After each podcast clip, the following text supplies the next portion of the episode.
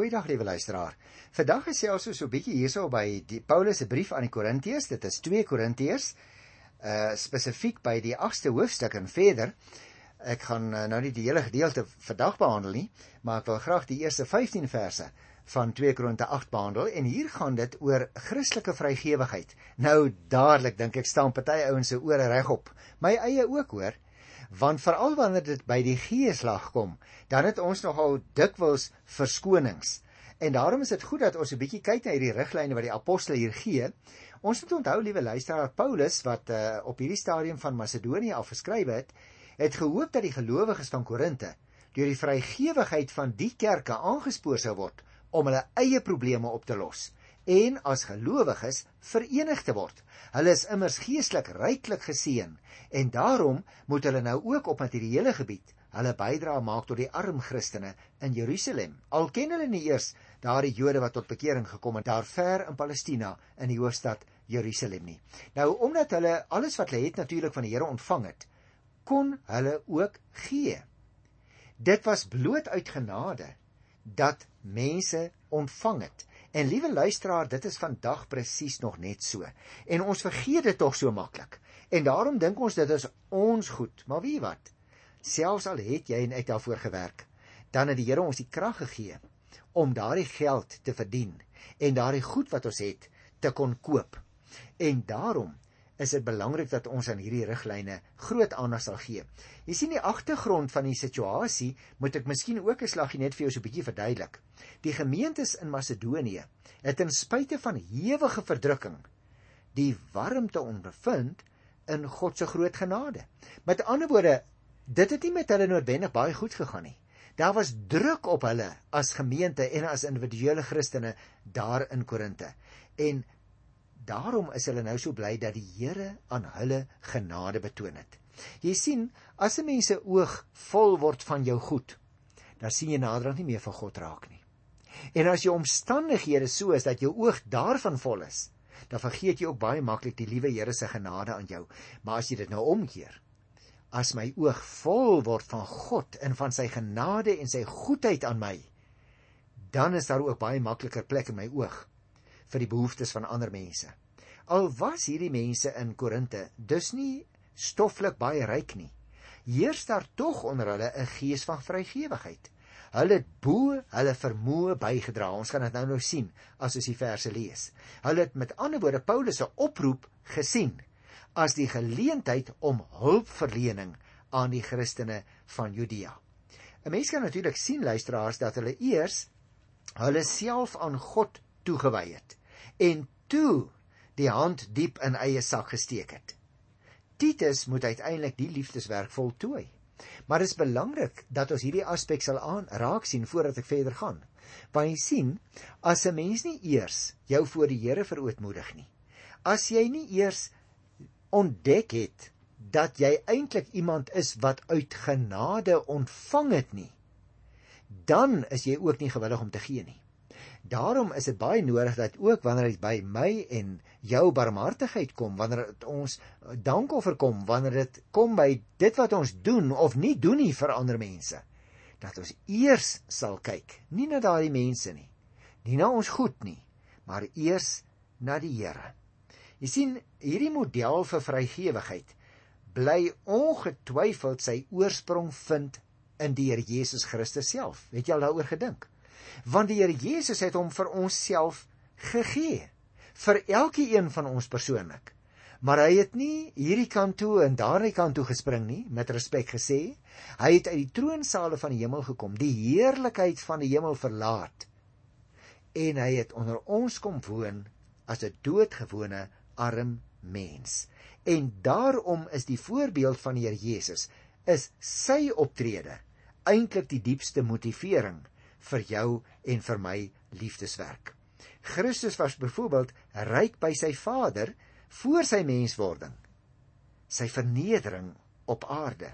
Jy sien, terwyl van sondaars het die Here Jesus arm geword sodat gewone verloste sondaars ryk kan word aan die geestelike rykdom in die eerste plek. Die liefdeswerk dus wat die Korintiërs begin het, moet end uit afgehandel word. As iemand gee, volgens wat hy besit, dan neem die Here daardie gawe aan. God is nie onbillik nie, liewe luisteraars. Hy verwag nie van iemand iets wat daardie persoon het nie. Die bedoeling is allermins dat 'n mens jouself tekort moet doen om te kan gee. Dit sou die uitsonderingssituasie wees dat ek iemand wat in soveel nood is, dat ek sien hoe gaan dit met daardie persoon, dat ek meegevoel betoon met daardie persoon en dat ek dan eers oorgaan tot die daad. Jy sien, dit is dus nie 'n kwessie van ek het simpatie met iemand wat swaar kry nie. Dit gaan om veel meer, liewe luisteraar. Simpatie lê halfte vlak hoor. Dit gaan oor empatie. Dit gaan oor inkruip in daardie persoon se vel, in sy situasie in te kruip. Dis soms eers nodig om in 'n arm persoon se huis te kom voordat jy werklik kan verstaan wat die aard van die nood is. Want dan het jy gesien. sien is tog glo, sê ons spreekwoord nie waar nie. En daarom, liewe luisteraar, is daar eintlik ek wil amper vir jou sê, ek wil nie eintlik van stappe praat nie, maar daar's amper hierdie drie fases, kom ek noem dit liewer so. Dat ek sal sien, dat ek dan meegevoel sal ervaar en dat ek dan, dit is eers die derde fase, dat ek dan sal gee, dat ek dus my hand in my sak sal steek as dit nodig sou wees om iets te help doen aan daardie persoon se swaar kry en aan sy of haar lyding. Nou goed, kom ons kyk nou na die teks self hier in 2 Korintiërs by die 8ste hoofstuk. Ek wil die eerste 3 verse lees nou gesels ons daaroor. Broers, ons wil hê julle moet weet van die genade wat die gemeentes in Macedonië van God ontvang het. Al was hulle swaar beproef deur verdrukking, het hulle blydskap ervaar oorvloedig. En al was hulle baie arm, Hulle was ryk in hulle oorvloedige vrygewigheid. Ek verseker julle, hulle het na vermoë, ja, bo vermoë bygedra. Vir die gemeentes uh, was dit natuurlik 'n vreemde ervaring. Hulle kom uit 'n Griekse agtergrond en dit was nie hulle ingesteldheid om noodwendig raak te sien wat is die nood van mense wat ver van hulle af is. Nie miskien nog as dit naby is. En nou hoor hulle hier by Paulus en by Titus hoe dat die mense in Jerusalem op die stadium in die geskiedenis baie swaar kry. Die feit, liewe luisteraars, dat die arm gemeentes van Macedonië so groot bydrae kon maak uiteindelik. Een wat soos Paulus hier noem in die eerste 3 verse, bo hulle vermoë uitgegaan het, word genade genoem wat hulle van God ontvang het dat hulle so kon optree is dus niks anders nie as 'n bewys van die guns wat die Here vir hulle geskenk het. Hy, die Here, het deur Jesus Christus en sy Gees in hulle lewe ingekom en hierdie mense nuut gemaak.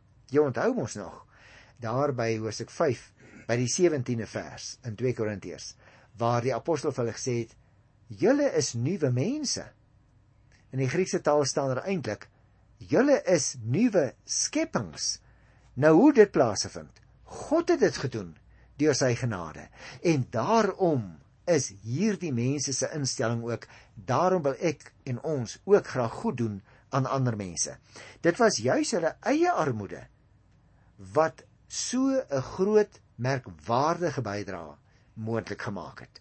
Jy sien, die vroegste Christelike gemeentes het hoofsaaklik uit die armer bevolkingsdele gekom en het byvoorbeeld baie keer slawe ingesluit. Mense wat slawe was wat tot bekering gekom het, wat nou ja, sal jy en ek sê, wat het hulle nou om te gee? En tog was ook hierdie mense se harte so geraak teenoor die swaar kry van die Christene daar in Jerusalem dat hulle in hulle eie swaar kry bereid was om vir medebroers en susters te gee. Mag ek jou reguit vraag vra? Is dit ook met jou so, liewe luisteraar? Is dit met jou so dat jy sien, dat jy voel en dat jy uiteindelik werklik doen? Of neem jy net kennis van mense se swaar kry en hulle situasies? En juis in die tyd waarin ons lewe hier in Suid-Afrika, is daar baie mense wat regtig swaar kry. Kom ons lees nou hier by 2 Korinte hoofstuk 8 vers 4 tot 6 en dan gesels ons daaroor met mekaar. Uit eie beweging het hulle by ons aangedring om te mag deel in die liefdeswerk van hulpverlening van die gelowiges in Judea. Dit was meer as wat ons verwag het, want eers het hulle hulle self aan die Here gewy en toe aan ons. Onthou wat ek net nou gesê het by die inleidende opmerkings. Hierdie mense het eers hand in eie hart gesteek en eers toe was hulle in staat om die hand uit te reik na mense in nood. Nou natuurlik, liewe luisteraar, dit is mos nou soos die liewe Here dit wil hê. En daarom skryf Paulus ook: Dit is soos God wil. Daarom vers 6. Daarom het ons vir Titus versoek om hierdie liefdeswerk waarmee hy vroeër by julle begin het, nou ook te voltooi. Dis 'n wonderlike ding wat ons hier in die Bybel lees. Jy sien, die koninkryk van God, liewe luisteraar, groei deur die ywer van gelowiges om ander mense te help. Anders brei die koninkryk nie uit nie, nie waar nie. Hier sien ons dus hoe verskeie ander kerke in daardie omgewing saamgewerk het om 'n groepie gelowiges wat ver van hulle af was, naamlik daar ver in Jerusalem, om die mense te help. Het jy gehoor wat ek gevra het? Het jy opgemerk hoe verskillende kerke saamgewerk het ten behoewe van die Christusgelowiges daar in Jerusalem? Jy sien, ons moet self in elke tyd moet ons soek na maniere om ook 'n bydrae te lewer tot 'n bediening. Maar dan nie noodwendig 'n bediening in ons eie kring nie.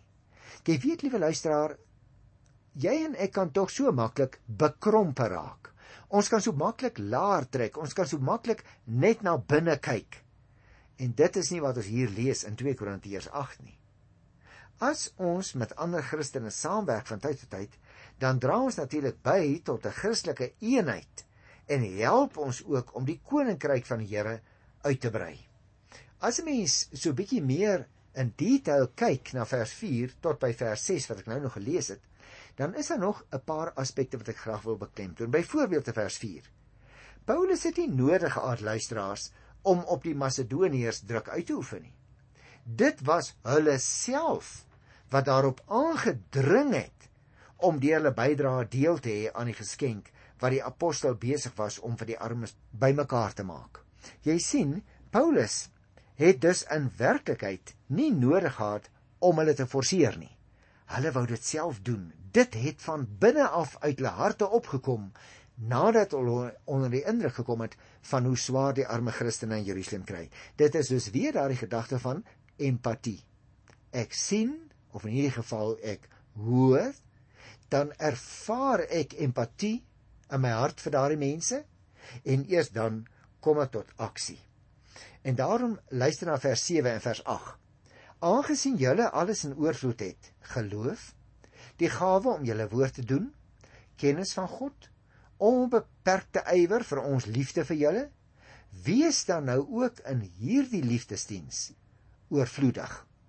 Ek gee nie opdrag nie, maar ek wys julle op die ywer van ander om daardeur die opregtheid van julle liefde te toets. Baie interessant wat die apostel dus hier vir ons sê. Jy sien, liewe luisteraar, die geestelike oorvloed van die Korintiërs, hulle redding, die vrug wat dit vir hulle meegebring het op geestelike terrein, daardie dinge, nie in die eerste plek die fisiese dinge nie, maar daardie innerlike gebeure wat God in hulle hart laat plaasvind het. Dit moet hulle uiteindelik daartoe bring om in die materiële nood van medegelowiges te help voorsien. En jy sien dit is eintlik maar net 'n uiterlike vertoon.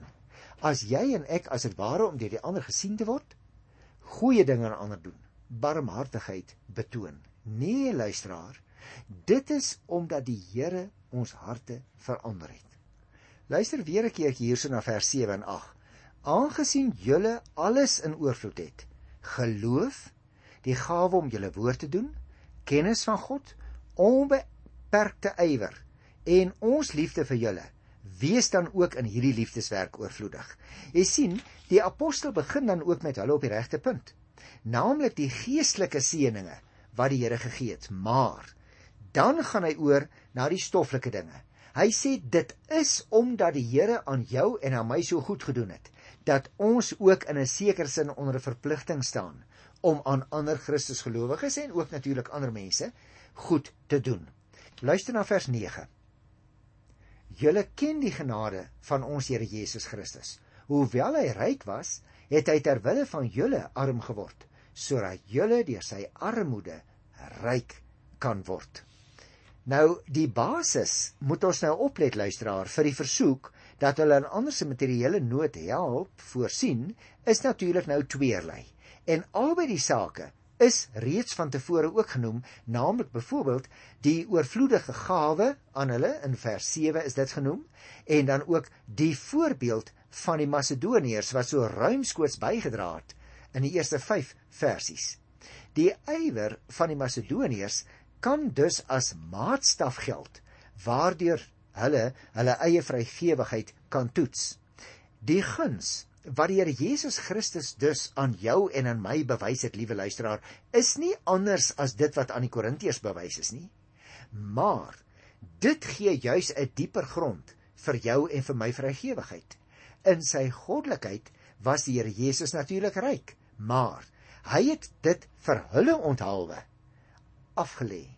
Hy het nie opgehou om God te wees nie, maar hy was bereid om na die wêreld te kom om arm te kom word ter wille van hulle en natuurlik luisteraar ook ter wille van jou en van my. Hulle geestelike rykdom het hulle aan die Here te danke. Dit is Paulus se argument met hulle en dit is presies met jou en met my ook so. Dit is vanweë Christus se optrede teenoor ons dat ons ook geestelik ryk geword het. Ek wil miskien dit onderstreep want ek is bang ons registreer dit nie baie duidelik nie. Liewe luisteraar, die Here Jesus het arm geword toe hy mens geword het. Ons moenie sentimenteel daaroor dink nie. Dit was 'n geweldige opoffering van sy kant. Hy was volkomme mens en daarom was hy soos enige ander mens onderworpe aan tyd en plek en alle ander menslike beperkings. Hy het nie afstand gedoen van sy ewige mag toe hy mens geword het nie hoor, maar hy het wel vir 'n tyd lank afgesien van sy volmaakte heerlikheid. Die Here Jesus was dus uniek deurdat hy geen sonde gedoen het nie. In Jesus van Nasaret, die mens, sien ons aspekte van God wat menslik geopenbaar is aan jou en aan my toe die Here Jesus gebore is daar in Bethlehem. As hy nie regtig mens geword het nie, sou jy en ek ook nie regtig in hom wou geglo het nie want ons sou kon gesê het ag maar God verstaan mos nie regtig nie. Nee hy verstaan want hy het regtig onder ons kom woon in mense gestalte. En daarom net enkele opmerkingies uh hier van die 10de vers af. Jy sien die gemeente Korinte het geld besit. Daarom moedig die apostel hulle nou aan om net soos diegene van Macedonië ook ruimskoots te gee vir die armes in Jerusalem. Die gewilligheid om te gee is baie belangrik. Nie noodwendig die hoeveelheid nie. Daarom het ek vir jou gesê, die derde fase, naamlik om te gee, word vooraf gegaan ook deur empatie en die heel eerste beginpunt daarvan is wanneer ons sien of wanneer ons hoor. Met ander woorde, wanneer ons kennis neem van die ander persoon se noodsituasie. Luister na vers 10 en vers 11. Nou wil ek julle net raad gee om julle te help.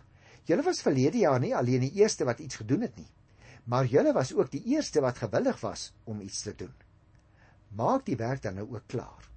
Die ywer om uit julle beskikbare middele die insameling af te handel, moet net so groot wees as die gewilligheid waarmee julle dit begin het.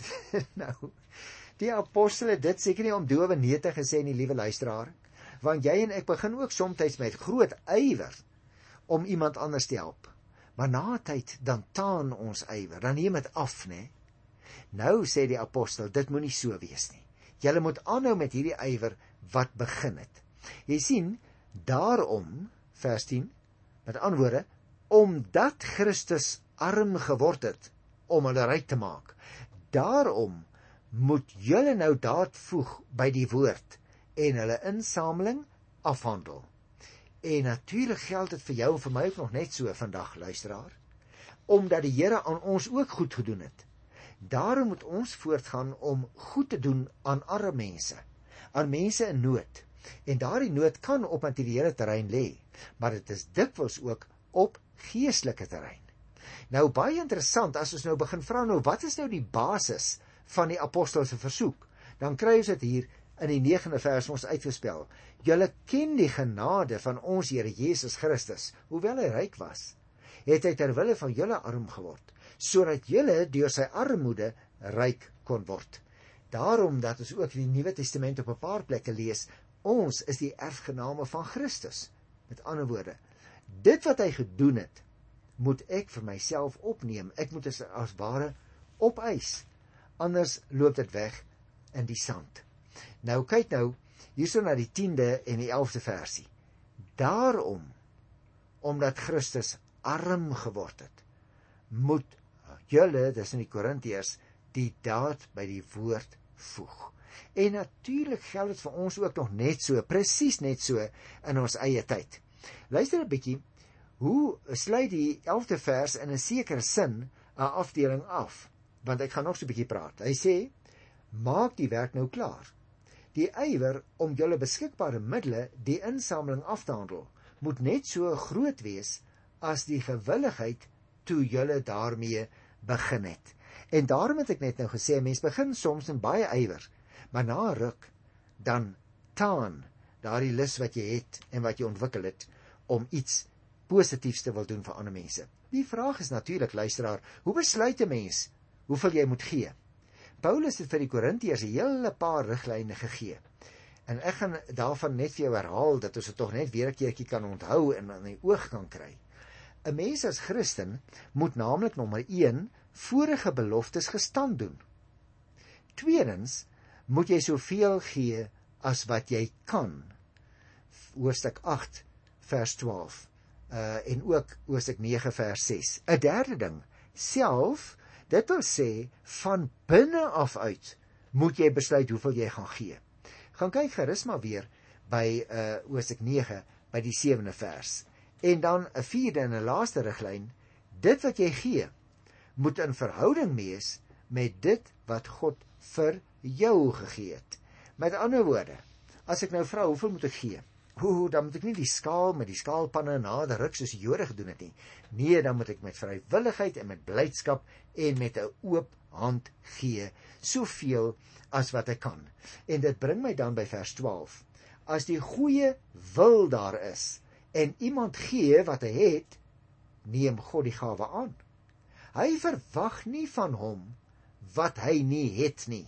En dis baie belangrik luisteraar. 'n Mens kan nie sê as daar 'n oproep kom in jou gemeente waar jy lidmaat is om te sê o nee, maar ek ek het nou nie geld nie, ek staan nou buitekant vir hierdie ronde. Nee, dit moet nie die ingesteldheid wees nie. Die ingesteldheid moet wees dat ek met my gawes, met my goed, ook met my geld kan gee so kwistig en so vrymoedig as wat ek enigsins kan. Dit bring my by die laaste 3 uh, versies wat ek wil doen, vers 13 tot 15 hierso by 2 Korintiërs se 8ste hoofstuk. Ek bedoel nie dat jy 'n gebrek moet ly om ander te help nie, maar sodat daar ewewig sal wees, moet julle wat nou oorvloed het, die help wat gebrek het. Dan as hulle weer oorvloed het en julle ly gebrek, dan kan hulle julle weer help. So kom daar ewewig. Daar staan geskrywe en nou die al die apostele aan, die met baie het nie te veel gehad nie. En die met 'n bietjie het nie te min gehad nie. Wat is belangrik is in hierdie uitspraak lyk vir my is die gewilligheid om te gee, nie die grootte of die omvang van wat gegee word nie. Liewe luisteraar, die Here verwag nie dat hierdie mense iets moes gee wat hulle nie gehad het nie. Die bedoeling is nie dat hulle self in verdrukking moet kom sodat ander dit gemaklik kan hê nie. Nee, die bedoeling is nou is dit nie want die Here Jesus het mos klaar vir ons elkeen betaal. Die bedoeling is dus dat Christene mekaar moet help. Ons bydra om mekaar te help, broers en susters, lei tot 'n baie beter verdeling van besittings en dit verhoed ook dat terwyl sommige te baie het, ander broodsgebrek sal hê. So was dit nou ook in die geval van die vroeë woestyngemeente. Jy onthou nog die manna wat die Here vir hulle gegee het daar uit Eksodus 16 van die 18de vers af. En as hulle so vergryp het aan die manna dat hulle te veel opgetree tel het vir die betrokke dag, dan sal jy onthou het die manna sleg geword en het daar miet ingekom en dan sê die Bybel het dit het dit gestink. En daarom was dit nodig dat hulle elke oggend nuut weer die manna sal optel in die woestyn. So was dit ook dan die geval by die vroegste Christen gemeente in Jerusalem. So, liewe luisteraar, kan dan nou ook in die gemeente waar jy is, net soos dit gebeur het in die gemeente Korinte, dat die arm Christene so verlig word sonder om self verarm te word. Want jy sien die Here gee in sy wye genade. En dan gee ons terug omdat ons graag wil. Nie omdat ons te doen om ons iets terug wil hê nie. Ek groet jou op hierdie sterk positiewe noot van Christelike vrygewigheid vir vandag tot volgende keer. Tot dan. Totsiens.